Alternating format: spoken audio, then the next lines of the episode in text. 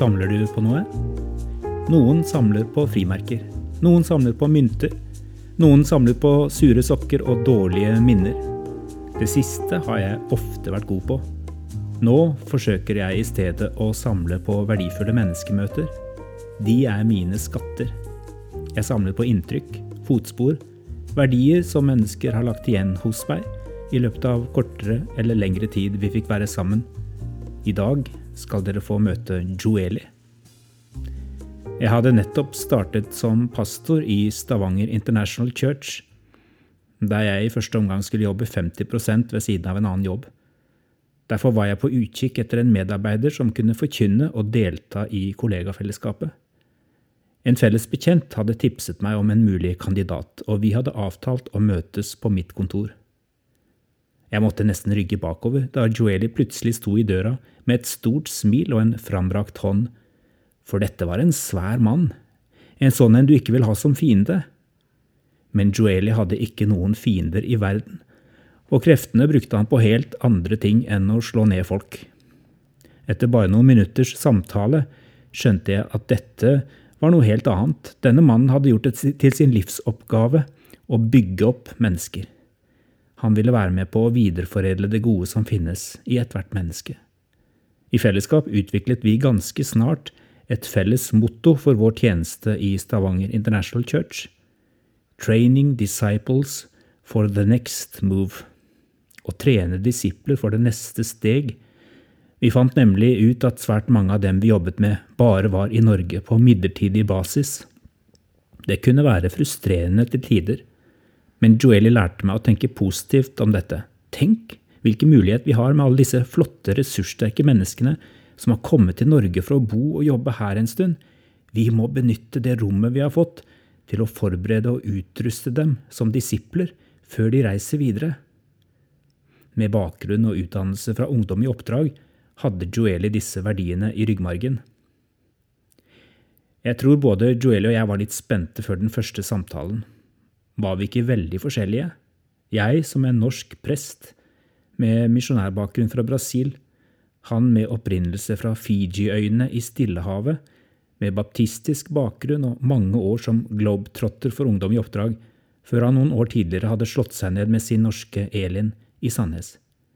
Jeg med min lille, spinkle, utrente kropp. Joeli, en bodybuilder med fartstid fra det fijianske landslaget i rugby, et av de beste i verden. Han hadde også spilt og vært coach for det norske landslaget i rugby. Men vi fikk kjemi med en gang. Dette rare, udefinerbare som bare av og til er der.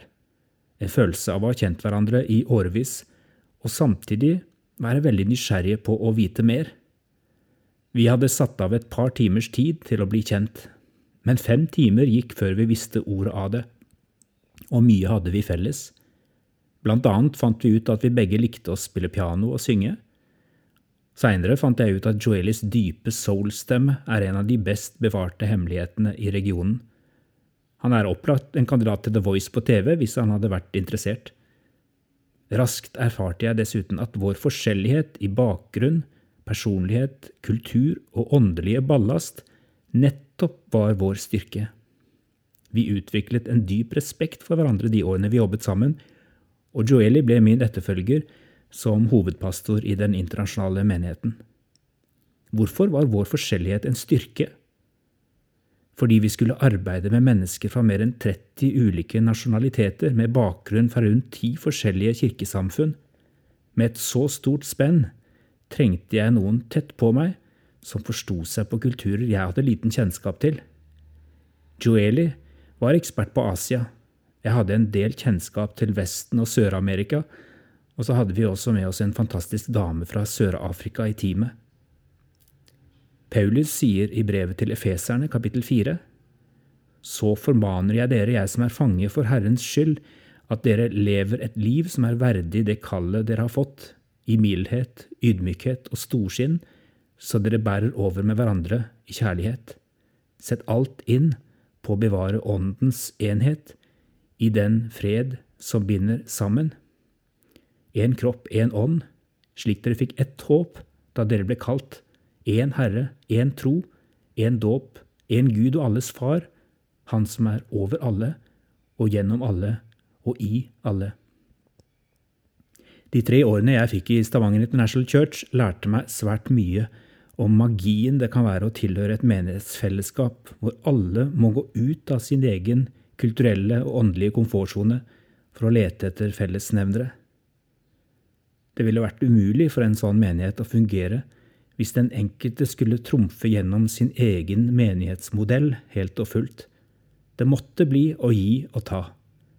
Men når alle i stab og lederskap var oppmerksomme på det, ga det også helt unike muligheter til å lære av hverandre og vokse sammen.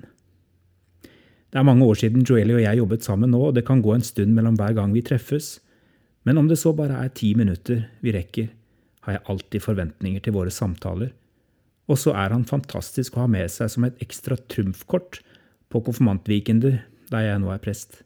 Når Joeli forteller sin troshistorie, sitter konfirmantene med øynene på stilker og lytter intenst. Og når gutta forsøker å tøffe seg, går han bare inn i flokken, smiler og spør om han kan få være med. Da blir alle medgjørlige. Joeli utstråler en naturlig autoritet og bærer på et stort hjerte for andre. Noen ganger kan han kanskje bli litt for raus, som når han en gang fikk det for seg at han skulle fylle opp i bæreposene også for personen bak seg i køen på butikken, insisterte på at han tok regningen og etterpå bar bæreposene ut i bilen for den vilt fremmede. Slikt gjør inntrykk, og Joeli gjør ikke slikt med en skjult agenda. Han har bare en egen evne til å se at noen trenger litt godhet. Så hender det også ofte at sånne godhetshandlinger leder til sterke samtaler om den mannen som Joeli har satset hele livet sitt på. Jeg er uendelig takknemlig for slike mennesker som Joeli, som har funnet veien til Norge og beriker våre lokalsamfunn med sin varme, sin lidenskap og sin smittende tro.